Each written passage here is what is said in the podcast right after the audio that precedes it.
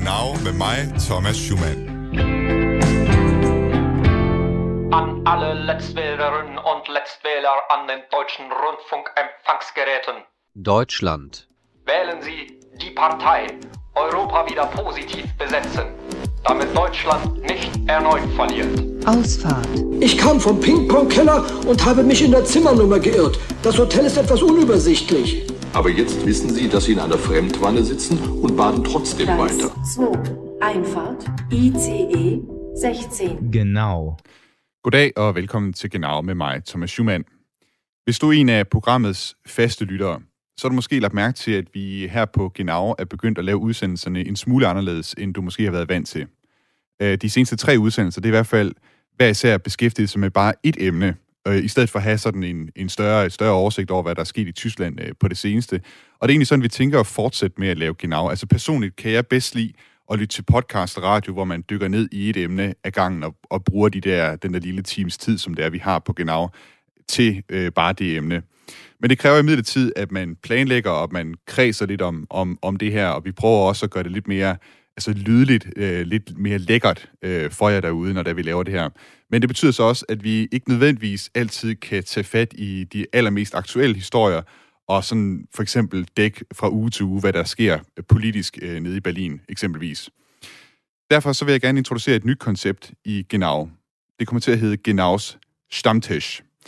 Stammtisch, eller stambord, som det hedder på dansk, det er det ord, tyskerne bruger til at beskrive et uformelt og tilbagevendende møde nede på den lokale bierstube. Og i samme ånd, så vil jeg hver fjerde udsendelse, altså hver fjerde gang, vi sender Genau, øh, invitere et par gæster ind til en stamtisch, så vi kan tale om nogle af de aktuelle historier fra og om Tyskland, der ligger dem, altså både gæsterne og så også her på Genau-redaktionen på sine.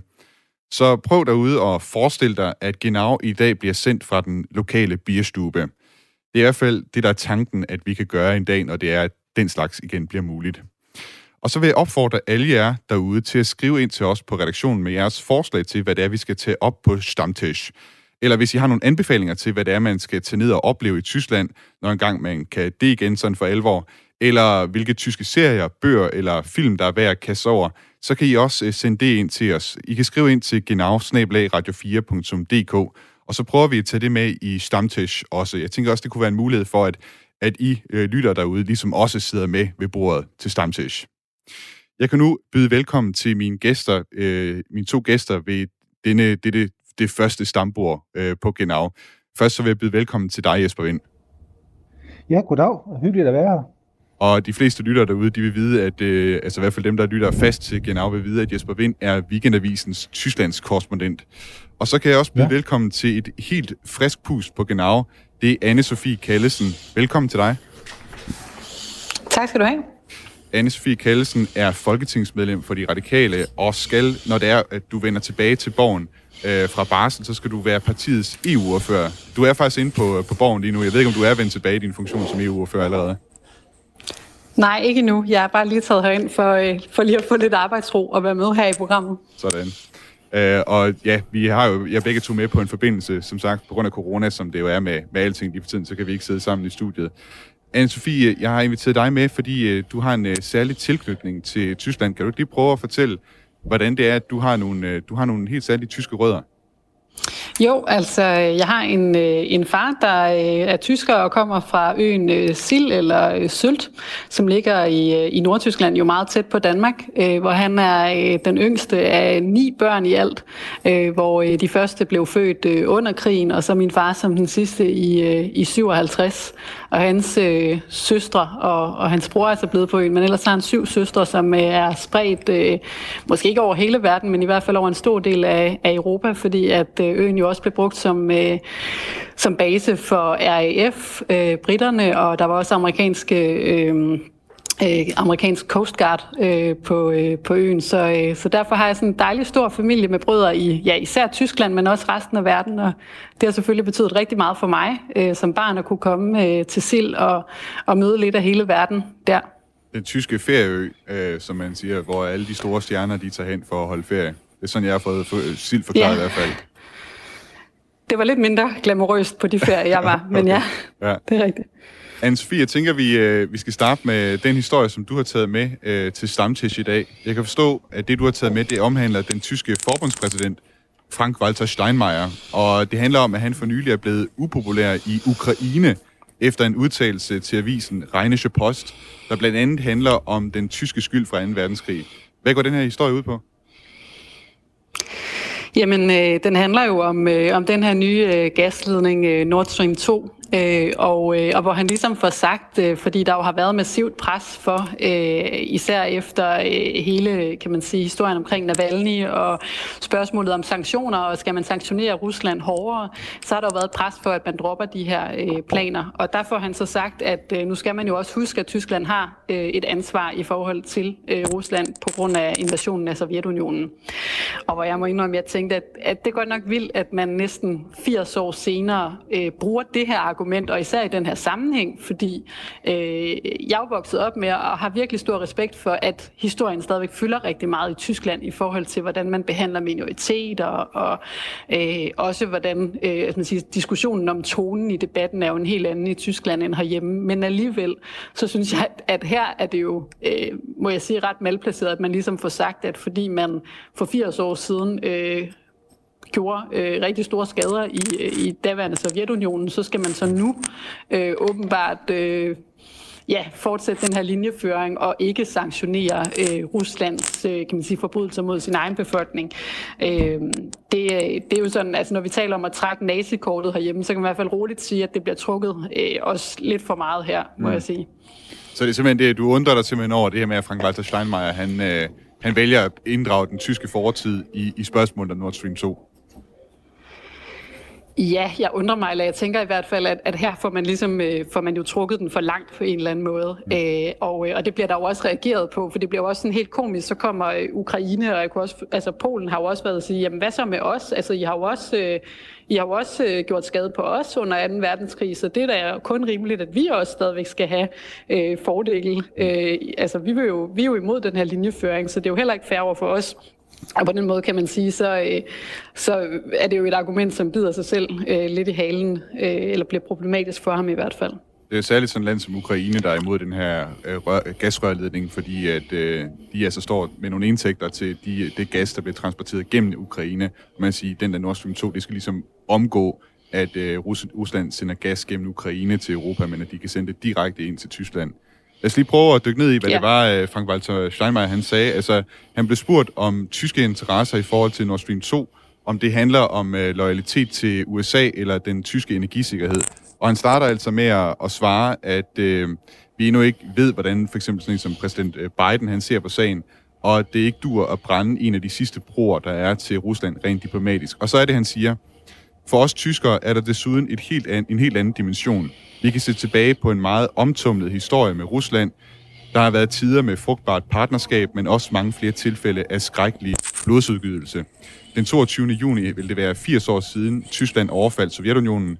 Mere end 20 millioner indbyggere i det daværende Sovjetunionen faldt som ofre i krigen.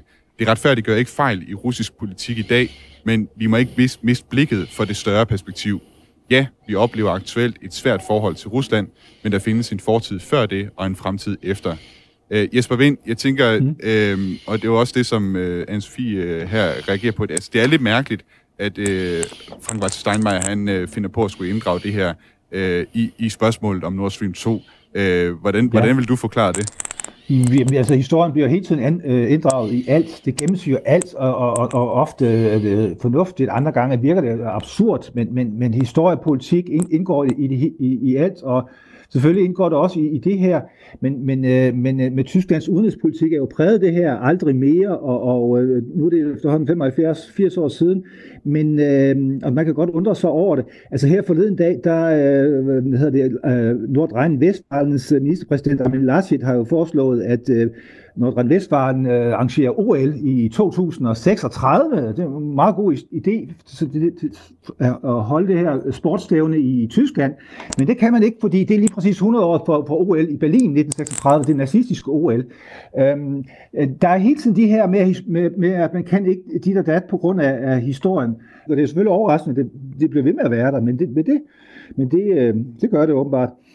Jeg tænker også, øh, altså det er måske også sådan lidt en, øh, jeg ved ikke om man kan se det som lidt en belejlig ting, altså fordi det er jo, Tyskland er jo nærmest det eneste land i Europa, som, øh, som går ind for den her gas, øh, Nord Stream 2 øh, gasrørledning, der, de, de står ret alene med, med den opbakning til det.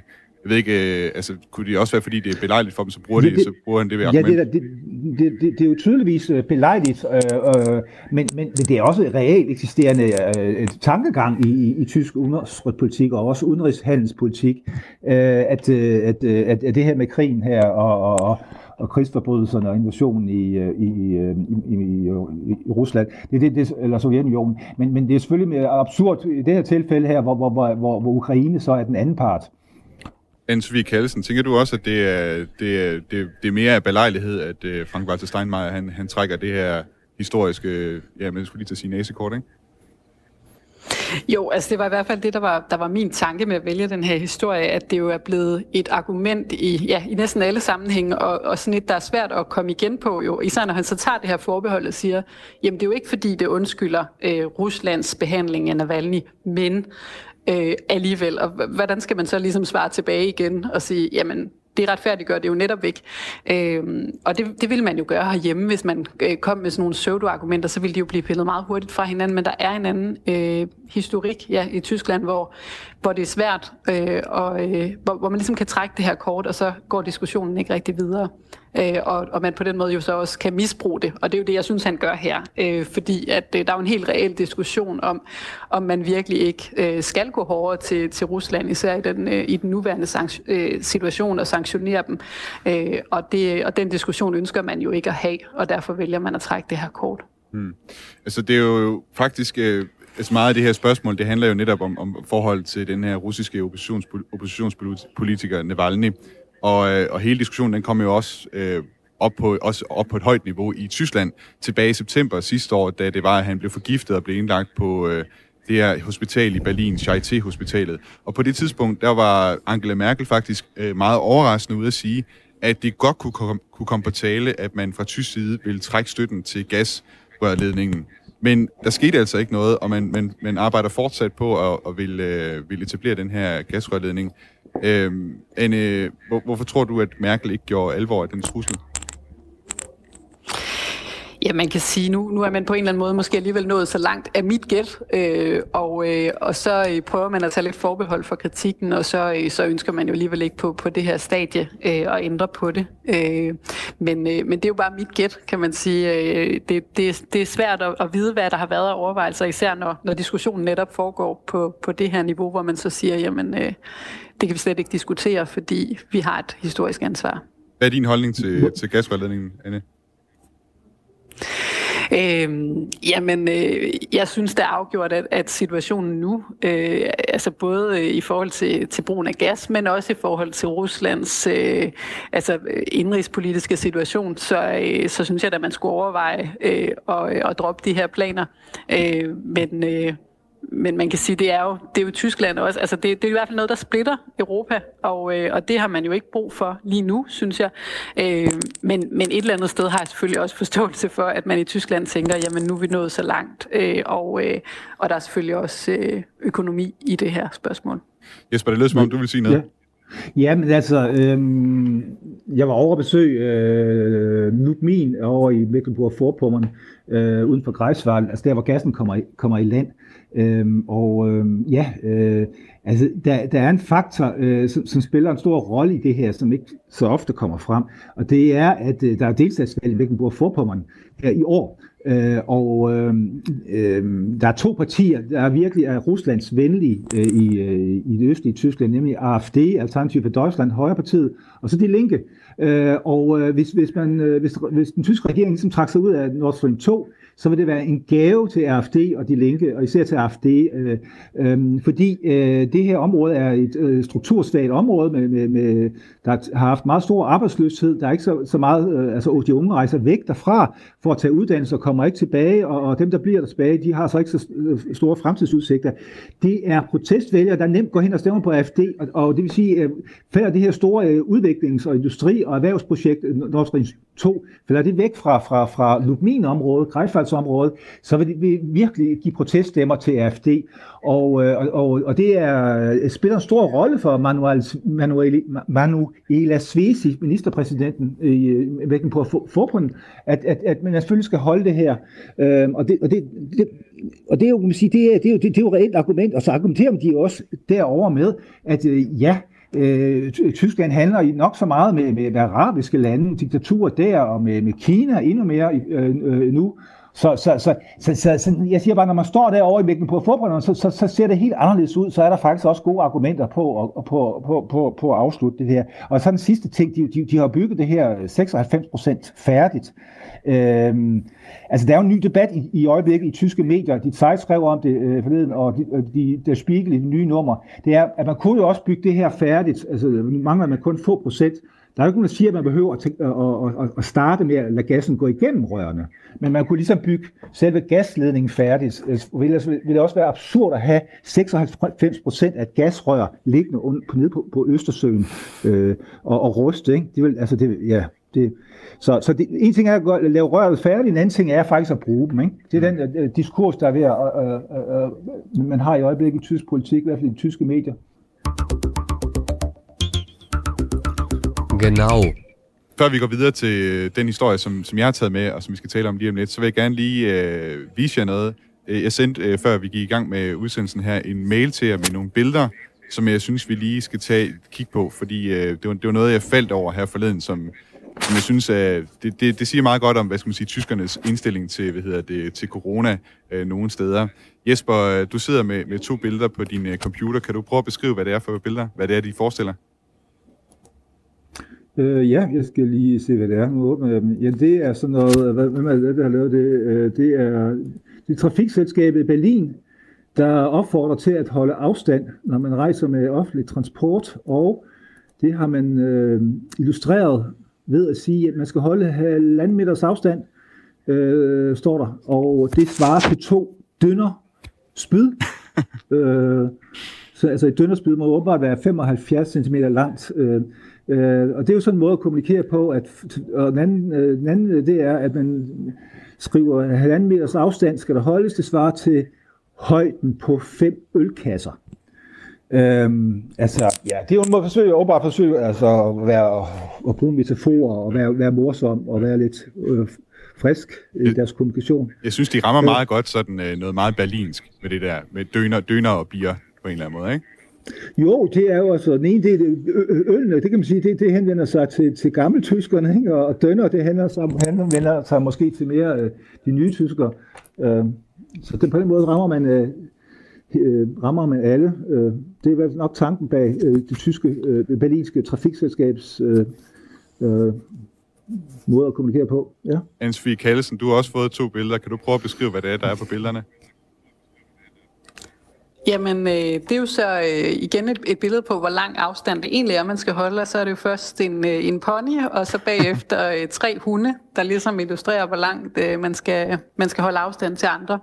Øh, og det, det tænker jeg da egentlig er en god idé at gøre det lidt, øh, lidt konkret, øh, så man... Øh, er klar over præcis hvad. Øh, vi, vi, nogle gange har vi også set herhjemme, at det kan være svært at forstå, hvor meget er en meter eller to meter egentlig. Øh, og man glemmer det måske lidt. Så det er den sjov påmindelse om, at, øh, at huske at holde den afstand.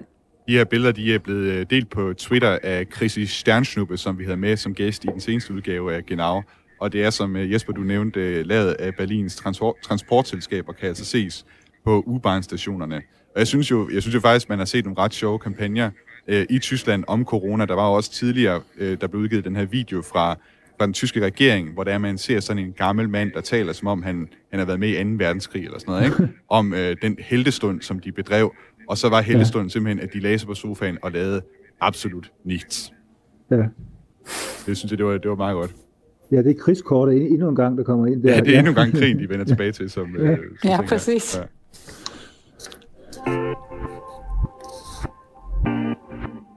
Genau. Nu skal vi til noget, der er knap så sjovt, og det er nemlig min historie, som jeg har taget med til stambordet i dag. Og det handler om de tyske skove.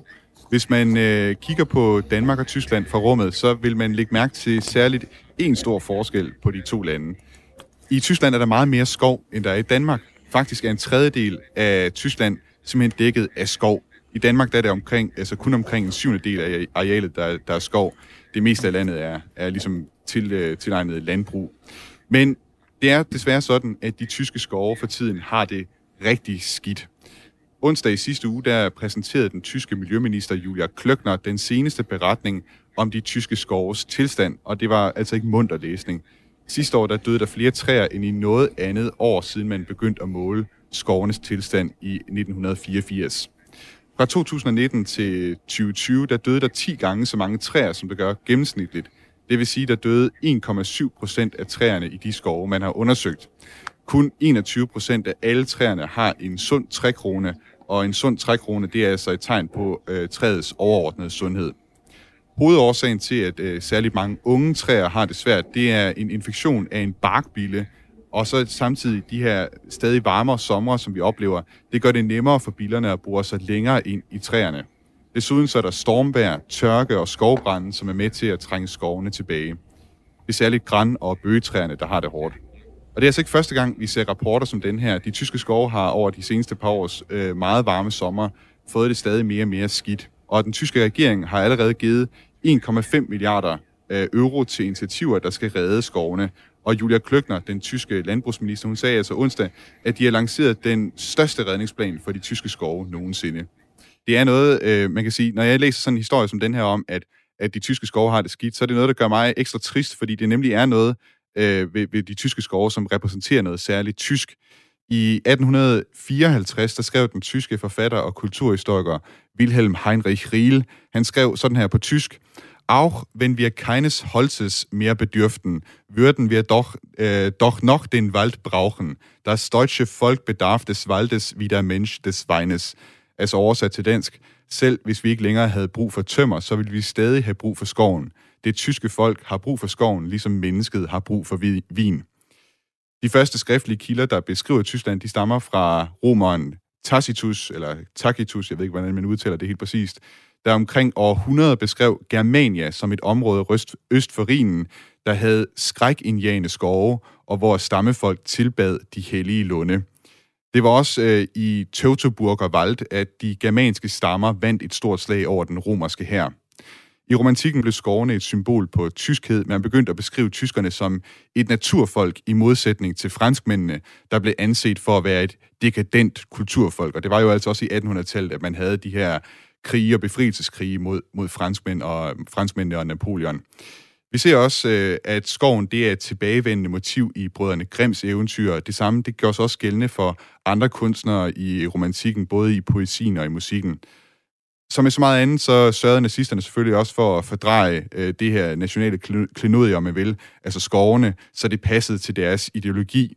I 1936, der udgav naziregimet filmen Eviges Wald, altså den evige skov, og Hermann Göring, han sagde i en tale, at en vandretur i skoven, det er, hvad der adskiller tyskerne fra andre folk, som kun går i skoven for at opmåle, opmåle træer, der skal fældes. Nazisterne de så tyskerne som et skovfolk i modsætning til jøderne, der var, blev betegnet som et ørkenfolk. Efter krigen, der var skoven et sted, som man kunne søge tilflugt i og trøst fra øh, i forhold til byerne, der på det tidspunkt lå i ruiner, og igen tjente skoven som et symbol på tyskhed i genopbygningen af den nye tyske stat.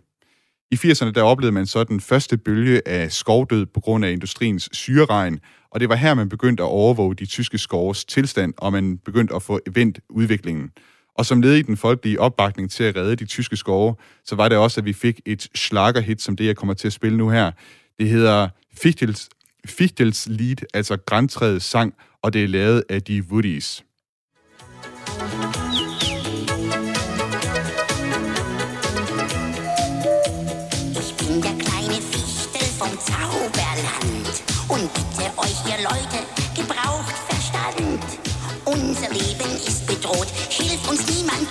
Not und ihr Menschen werdet nie mehr glücklich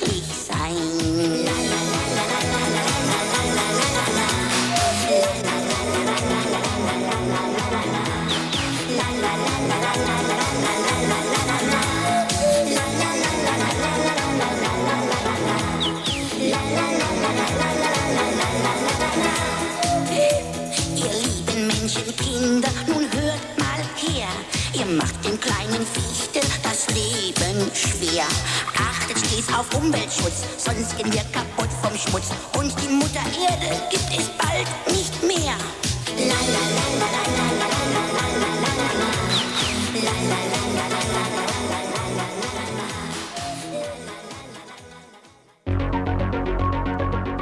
Vorfreude. Fantastisch. Spitzfindigkeit. Kuddelmuddel. Genau aus Rundfunk 4.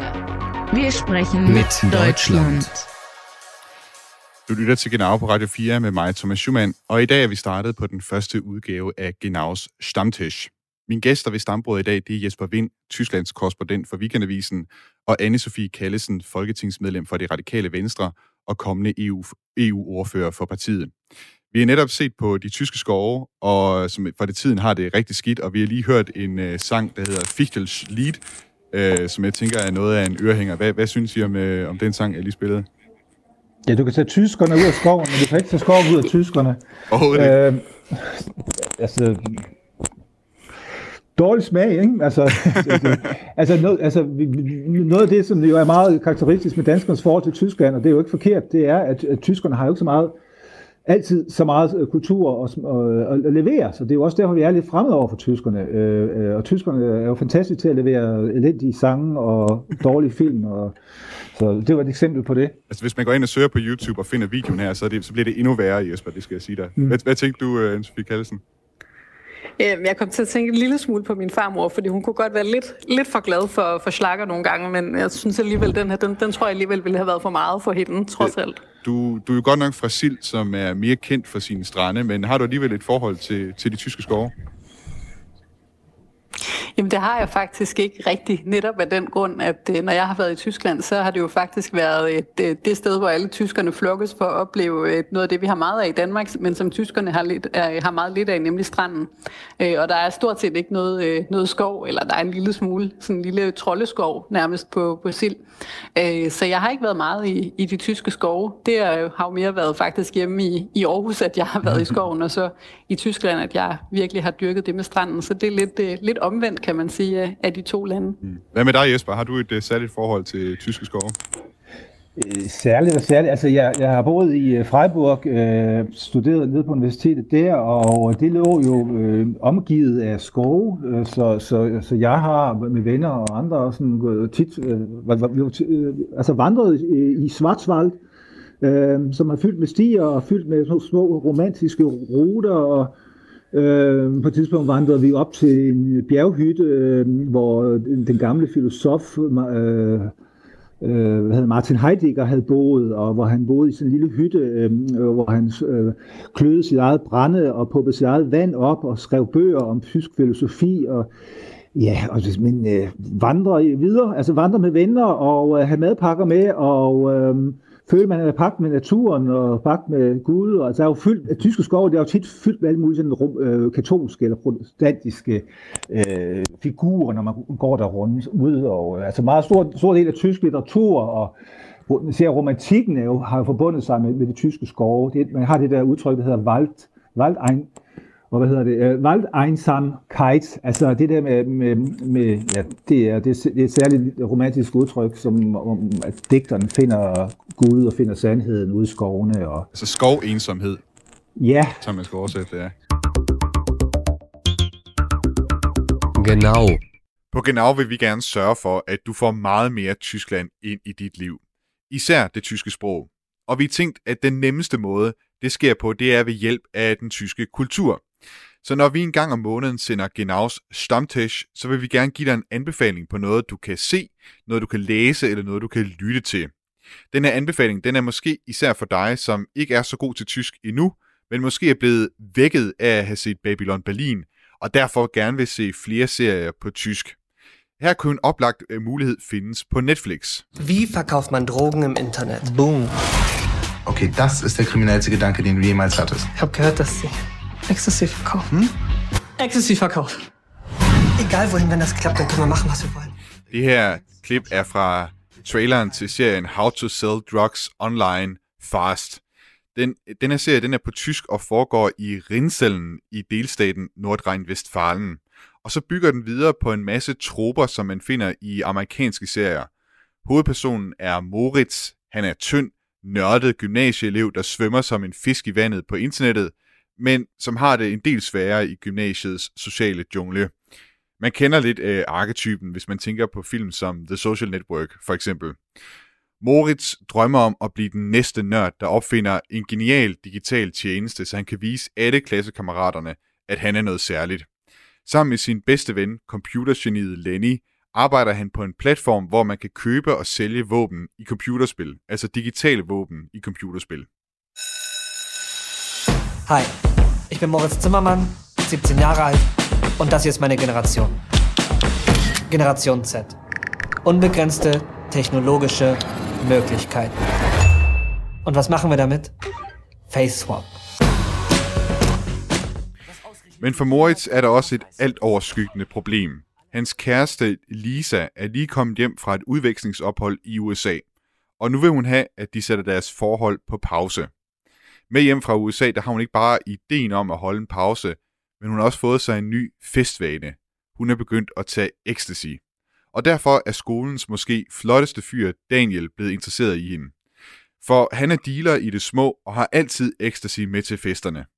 Moritz han ser stofferne som sin chance for at vende sin kæreste tilbage. Han begynder at sælge pillerne online ved hjælp af det program, som han har udviklet. Men før han ved af det, så er hans hjemmeside blevet voldsomt populær, og hans drøm om at blive en stor tech-succes som Steve Jobs eller Mark Zuckerberg virker pludselig ikke helt urealistisk. Men da succesen den omhandler salg af narko inde på hans hjemmeside, så kan ingen få at vide, at han står bag det. Ja, wo ist die Kohle? Ich gebe Ihnen das restliche Geld bald. Leider falsche Antwort. Ich gebe es Ihnen jetzt sofort. Ah, sorry. Die Antwort war eigentlich richtig. Serien den bygger på en virkelig historie, hvor en 20-årig tysk mand solgte over 900 kilo narko gennem både det mørke internet og ude i den åbne digitale verden.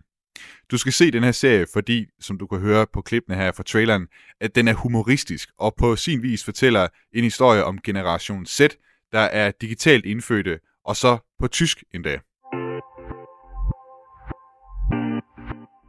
Genau. Vi skal videre til øh, den historie, som øh, Jesper, du har taget med. Og man kan sige historie, historie. Jeg ved ikke, øh, om, man, om man kan betegne det sådan. Altså, du, du har forfattet i øh, weekendavisen øh, lidt et opråb i virkeligheden til danske politikere. Øh, I den, øh, jeg ved faktisk ikke, om det er en artikel, eller om det, det, er, det er simpelthen en kommentar, øh, en kommentar ja, du, du skrev i weekendavisen den 18. februar. Kan du lige prøve ja. at forklare, hvad det, er, hvad det er for en kommentar, du har skrevet der? Jamen, det er en kommentar om, øh, om, om vores forhold til, til, til, til Tyskland her i forbindelse med, med det tyske valgår øh, og, og mere konkret øh, vores øh, toppolitikers øh, forhold til Tyskland. Øh, det synes jeg var, kunne være interessant at se på, når nu netop var valgår. Ikke? Og der synes jeg, det er tankevækkende, at øh, når man ser på danske toppolitikere, der virker altså i dansk politik, og det gælder både regeringen og oppositionen og alle mulige partier, øh, interessen for, hvad der sker i Tyskland, øh, netværket med tyske politikere, det er næsten ikke eksisterende.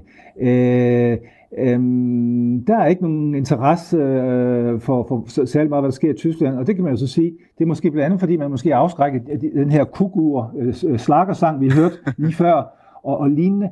Men øh, det, øh, min pointe er, at, at, øh, at der jo er forskellige målinger der, hos danskerne, der, der viser, at vi opfatter en Tyskland som vores vigtigste allierede. Og på den måde er det, øh, altså, er, øh, er, varetager vi jo ikke danske interesser, når vi ikke har noget netværk og nogle, nogle nær, øh, nærmere kontakter med tyskerne. Og det er især øh, tankevækkende. Altså, jeg er jo så gammel, jeg kan huske øh, Uffe Ellemann Jensen som udenrigsminister. Han havde jo et dels tæt netværk med, med, med den tyske udenrigsminister. De tog på fisketure sammen, mødtes med deres koner på sommerferie og, og, vandrede, og vandrede i skoven nogle gange endda.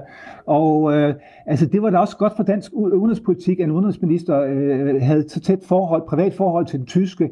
Øh, jeg kan huske, jeg så, øh, eller voksede op, der så man avisbilleder, hvor, hvor, hvor Anker Jørgensen, socialdemokratiske leder, han mødtes på en private former med Willy Brandt og Helmut Schmidt.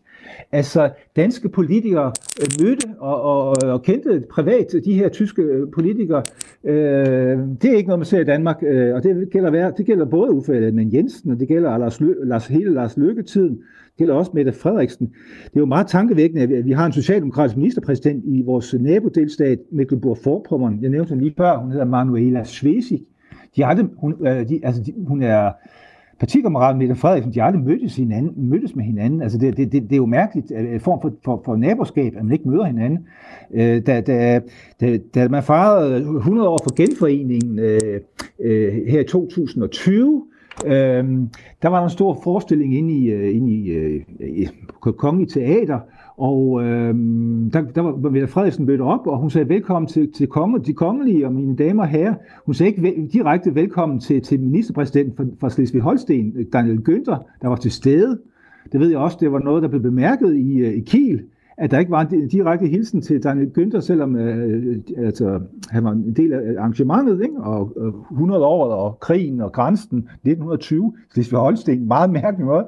Øh, da, da, da, da Mette Frederiksen øh, en måned senere, i marts 2020, lukkede grænsen øh, nede ved Flensborg, øh, øh, og, og Sild, hvor anne Sofie kommer fra, øh, der, øh, der orienterede hun ikke Daniel Günther, sin nabo, øh, øh, men hun orienterede Berlin direkte. Ikke? Så det, var, det var udenrigspolitik. Men det havde måske været god stil at, at, at, og, og, og naboskab også, øh, øh, fordi de her delstater er ret magtfulde i, i Tyskland. Øh, Tyskland er ikke bare en, en nationalstat ligesom Danmark, det er en forbundsstat med, med, med 16 meget magtfulde delstater, og at man ikke plejer de her nabodelstater, øh, det, øh, kontakt til det, det, det er ubegribeligt, og det er også i strid med at pleje danske interesser. Øh, nu har sagt en masse ord, at i virkeligheden er kommentaren jo ikke så lang, det er jo ikke mere end øh, en, meget, en, en lille spalte i avisen, men øh, ja, men jeg tænker i hvert fald, øh, den kan jeg lige smide over til Anne-Sophie Kallesen, øh, som du nævnte, Jesper. Anne-Sophie, du er jo du er jo fra grænselandet. Jeg tænkte på, kan du genkende det billede, som Jesper ja, jeg skal lige ret. Jeg er faktisk ja. ikke fra Sild, men min far er fra Undskyld, Sild. Din far men jeg, jeg, jeg har kun ja. boet i Danmark. Ja, ja. ja. Ja. Men øh, kan du genkende alligevel det billede, som, som Jesper Vind han tegner her af, at, øh, at det altså står helt skidt til med, med danske politikers forhold til deres tyske kolleger? Ja, altså jeg må jo sige, at på den ene side behøver jeg ikke at føle mig ramt, fordi nu sagde du toppolitiker, øh, Jesper, men, men jeg føler mig da alligevel lidt ramt, fordi øh, som kan man sige, almindelig politiker, der må jeg da sige, at, at det er rigtigt, øh, og jeg øh, har jo endda en, en interesse for Tyskland, øh, fordi jeg har det ophav, jeg har, men, men nej, vi, øh, vi er ikke gode nok til at orientere os om, og det gælder også mig selv, øh, hvad der sker i Tyskland, og især det med at pleje forbindelserne kunne bestemt være bedre. Der tror jeg så i forhold til det sidste, øh, at det er sådan en, nok en lidt generel ting, at vi ikke er gode nok til øh, at pleje forbindelserne til vores øh, nærmeste nabolande eksempelvis. Det gælder jo også i, i Norden, hvor øh, jeg tror også, at øh, for eksempel Bertel Hård og andre, der, der er meget aktive i forhold til Nordisk Råd, vil være enige i, at, øh, at der er vi også for dårlige til. Altså det er som om, det er blevet sådan lidt en, der er gået lidt en sport i at mene, at vi ikke behøver at lære noget øh, af, vores, øh, af vores nabolande, og i det hele taget måske andre lande, men, øh, men at vi sådan har nok i os selv. Øh, og så taler man øh, netop i taler om, øh, hvor vigtigt det er at have godt samarbejde med, med vores øh, naboer, men, øh, men man gør nok ikke rigtig nok for det. Så så langt hen ad vejen er, er jeg egentlig enig. Øh, når det er sagt, så tror jeg et eller andet sted, at viljen alligevel er der. Vi skulle øh, sidste år have været på en, øh, en øh, planlagt genforeningsrejse øh, i anledning af, af 100-året, hvor øh, der faktisk var rigtig mange folketingsmedlemmer, der havde øh, meldt sig til at tage på sådan en, jeg tror det var tre dages rejse øh, til, til Slesvig og, og omegn. Og øh, den blev så aflyst på grund af corona. Men der blev jeg alligevel selv imponeret over, hvor mange der faktisk... Øh, gerne ville med, eller måske ikke imponeret, men, men i hvert fald overrasket, fordi at øh, jeg er jo vokset op med, at det med at have en forbindelse til Tyskland, øh, det var ikke det, der sådan var, var interessant, eller det var ikke særlig sexet at have noget at gøre med Tyskland. Det var sådan, det, det blev set som, øh, som lidt kikset nærmest. Øh. Så, så der er der alligevel sket noget, tror jeg, øh, men, men vi skal helt sikkert være bedre. Øh, og det er jo så spørgsmålet, hvor, hvor starter og slutter det henne, fordi øh, det er også svært, hvis man interesserer sig for Tyskland, men uden øh, for eksempel at tale og læse godt nok tysk, øh, hvor, hvor orienterer man sig så?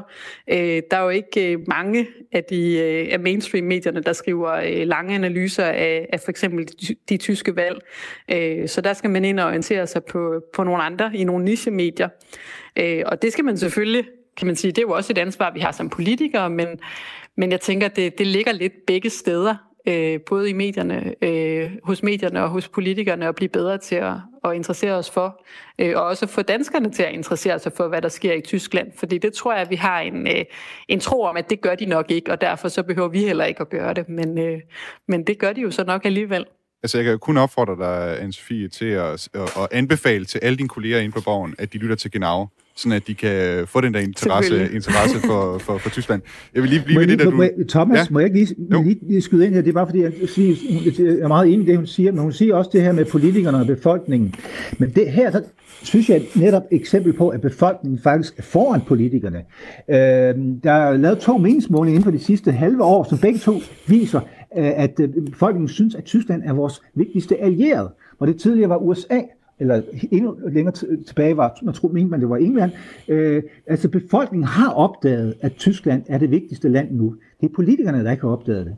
Jamen, det var egentlig også det, jeg prøvede at sige. Jeg tror, der er sådan en opfattelse af, hvis politikerne ikke lige har set den der meningsmåling, at, at befolkningen ikke synes, at Tyskland er interessant. Jeg blev i hvert fald overrasket. Jeg tror, mange, øh, mange danske politikere tænker, at det, som befolkningen er interesseret i at høre om, det er vores relation til USA, og ja, måske vores øh, sådan relation til, til britterne tidligere, øh, og, og til dels stadigvæk. Og, og Tyskland er måske ikke rigtig inde på radaren, så, så der er vi lidt bagved, og nok også i virkeligheden ikke, øh, ikke bevidste nok om, hvor meget det egentlig interesserer befolkningen, hvis vi også gik foran og, og øh, fortalte om vores ambitioner for øh, det samarbejde, vi, vi burde have endnu mere i med Tyskland.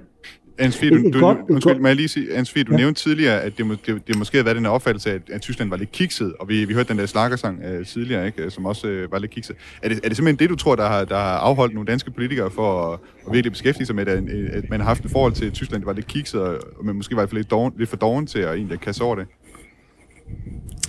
Jeg tror ikke, man på den måde har siddet og tænkt, at, øh, at nu, øh, nu vil jeg egentlig have sagt noget om Tyskland, men det lader jeg så være med. Men jeg tror, at det sådan, er, har været lidt den generelle opfattelse, det er i hvert fald den, jeg selv er blevet mødt med øh, som barn, at når jeg fortalte om min forbindelse til Tyskland, så, så blev der grinet lidt af det og spurgt, om jeg godt kunne lide øh, currywurst og, og slakker.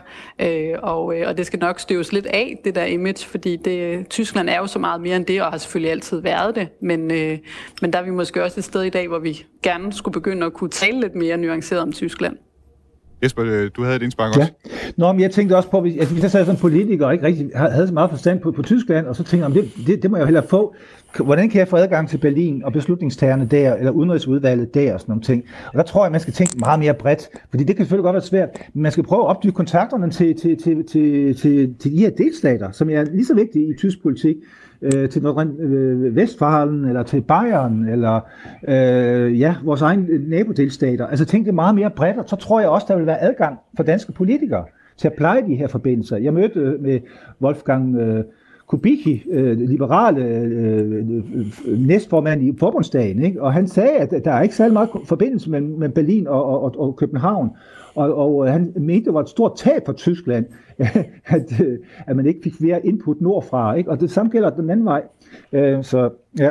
Jeg er lidt spændt, øh, lidt interesseret, nysgerrig på at høre, Anne-Sophie, om du, øh, er der nogen tyske politikere, som du, øh, du, du kender personligt? Nej, det er der øh, bestemt ikke. Øh, faktisk må jeg være ærlig og sige, at, øh, at inden programmet måtte jeg også lige øh, selv få læst lidt op på, hvordan øh, det indrigspolitisk ser ud i Tyskland nu. Øh, så øh, så det, er, øh, det er ikke noget, som, øh, som jeg øh, har fulgt øh, tæt, og det skal jeg jo selvfølgelig til nu, fordi jeg også skal øh, interessere mig for, for EU-politikken i endnu højere grad og følge den tættere. Øh, og, øh, og det er jo klart, at der er Tyskland sindssygt vigtigt, så, øh, så der skal jeg ind og, og være tættere på at følge, hvad de forskellige øh, positioner diskussioner er, hvad, øh, hvordan tingene bevæger sig øh, i Tyskland nu. Men, øh, men det har jeg heller ikke selv øh, gjort tilstrækkeligt på trods af mit tyske ophav. Mm. Jesper, jeg tror, det, ja. jeg, jeg tror da bare, hvis jeg, hvis jeg, hvis jeg var i politiker og, og mødtes med, med en bayersk magtfuld politiker, som jeg gerne vil have lidt indflydelse på, i en eller anden EU-sammenhæng, eller en eller anden øh, magtsammenhæng, ikke? Hvis jeg lige kunne stå og sige, at det var, øh, det var, jeg, jeg har haft en fantastisk rejse i, i de bayerske skove, eller været til oktoberfest i München og sådan nogle ting, så opnår man jo også en eller anden form for, for connection, en form for, for genklang mellem, mellem mennesker, som også kan, kan få noget betydning politisk. Øhm, altså det er bare... Det lyder som en opfordring, det her. Hvad tænker du om det, Anne-Sophie? Kunne du finde på at tage, tage ned til, til Bayern og tage til Oktoberfest for på den måde at kunne få en, få en fod indenfor?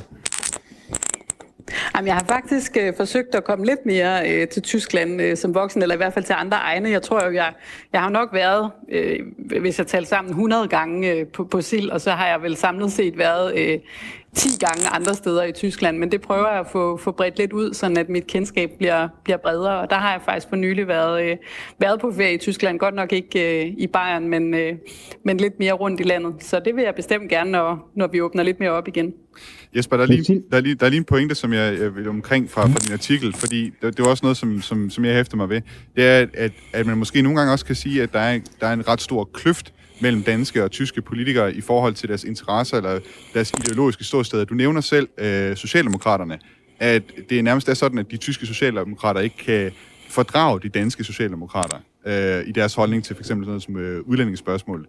Er det ikke også en af forklaringerne, at, at der måske er en, en på nogle punkter en, en, en alt for stor grøft, øh, ideologisk grøft, mellem danske og tyske politikere? Jo, det er da klart, øh, hvad hedder det, lige efter øh, Mette Frederiksens øh, øh, valgsejr, øh, der var der en stor debat i, i, i ned i Tyskland om, hvorvidt man kunne lære af Danmark, øh, om de kunne lære af Danmark. Ikke? Det var der i tyske medier, hvorvidt, fordi de tyske socialdemokrati står i en stor krise, ikke? og så lige pludselig var der et sejr, sejrende socialdemokrati, op nordpå.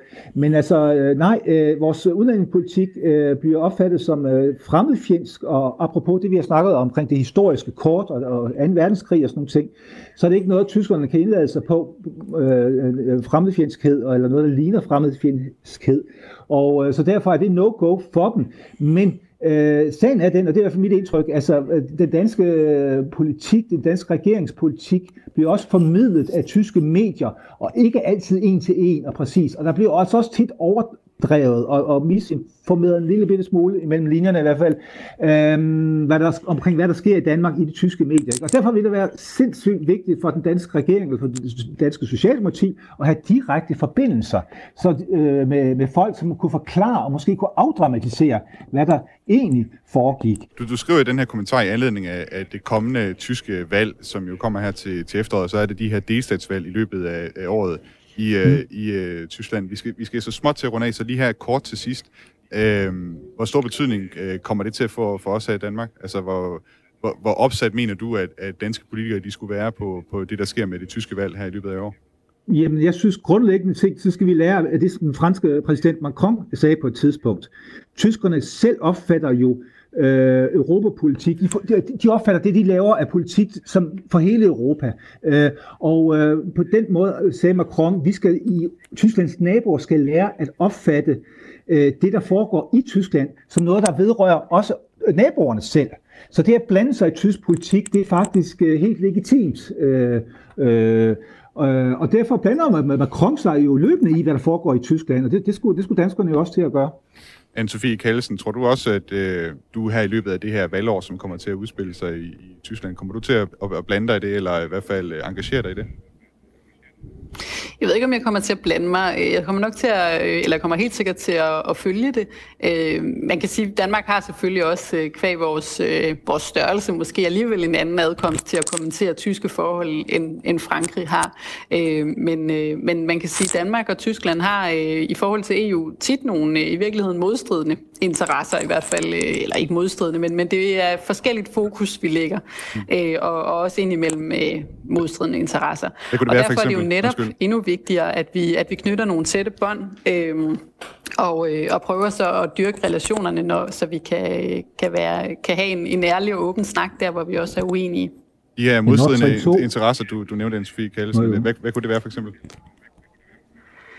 Jamen, øh, og det er jo ikke noget, kan man sige, vi, vi støtter i radikale, men der har været et spørgsmål om EU's budget, eksempelvis, øh, hvor, hvor Danmark har meldt sig ind i en, øh, en sparebande, øh, og, øh, og det er vi jo selvfølgelig de første i, i radikale venstre til at ønske, at vi melder os ud af den sparebande, øh, men, øh, men faktum er, at vi er med i den, og, øh, og det er jo ikke, øh, kan man sige, der, hvor, hvor Tyskland befinder sig, men, øh, men netop derfor så øh, tænker jeg jo, det er så meget desto vigtigere at prøve at have en god og tæt øh, dialog så, øh, så vi også kan være hinandens allierede, selvom vi indimellem ser forskelligt på, på nogle ting i, i EU-politisk sammenhæng. Jesper Vind, det lyder som om, du havde en lille sidste kommentar. Den skal være kort, hvis du skal nå den. Nå, jeg sige, Anne-Sophie, hun nævnte det her hele kompleks omkring Nord Stream 2. De, løber, de, de rørledninger har jo også løbet gennem dansk øh, farvand. Ikke? Så netop, det er netop et eksempel på, hvor, vi, hvor vores stemme kunne have, have lyttet meget højere nede i Berlin. Yes. Uh, Anne-Sophie, jeg ved ikke, vil du have lige nu at have en, en mulighed for at svare på den? Øh, nej, altså jeg, jeg tænker egentlig bare, at, øh, at jeg vil tage Jespers opfordring øh, til mig, og, øh, og den var velplaceret, så, øh, så den kan jeg kun øh, kvittere for at sige tak, fordi det er jo også øh, vigtigt, at vi lige indimellem får et, et kærligt puff som politikere og, og husker at løfte blikket lidt, og, øh, og det er sagt fra et parti, som, øh, som ser sig selv som meget internationalt, men hvor vi alligevel også kan være bedre til at interessere os for ikke kun, hvad der sker i Bruxelles, men også, hvad der sker i Berlin. Jeg kan i hvert fald øh, kun sige, at her på Genau, der stiller vi os øh, som altid til rådighed for os øh, danske politikere og oplyse dem om, hvad der sker i, øh, i Tyskland. Jeg vil øh, sige tak til, til jer begge to for at være med her og afprøve det her nye koncept, vi prøver på Genau med Genaus Stamtisch. Tak til dig, Jesper Vind, Tysklands korrespondent på Weekendavisen. Selv tak, det var hyggeligt. Og tak til dig, Anne-Sophie Kallesen, øh, folketingsmedlem for det radikale venstre og kommende EU-ordfører for partiet. Selv tak. Tak fordi jeg måtte være med. Genau. Og så er det noget, vi er til vejs ende for dagens udsendelse af Genau, altså den her lidt særlige udgave, hvor vi lavede Genaus stamtage for første gang, og vi håber, vi kan arbejde videre på det her koncept, og altså en dag også sætte os ned på en egentlig bierstube og lave udsendelsen der. Det kunne være en del hyggeligere, end at sidde i et studie og tale med nogen på en Thailand-forbindelse. Genau er som altid lavet af mig, Thomas Schumann, og mine kolleger Jeppe Rets Husted og Jejs Nørgaard Alstrøm.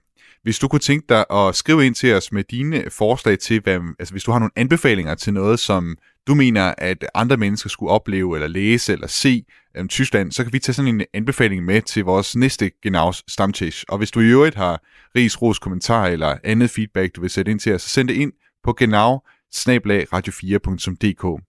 Du kan, som, kan som altid lytte med igen på næste tirsdag fra kl. 10.05 til kl. 11, og så kan du finde tidligere episoder af Genau inde på Radio 4's hjemmeside på Spotify eller Apples podcastplayer. Indtil vi lyttes ved igen, så vil jeg ønske dig en god uge. Bis dann.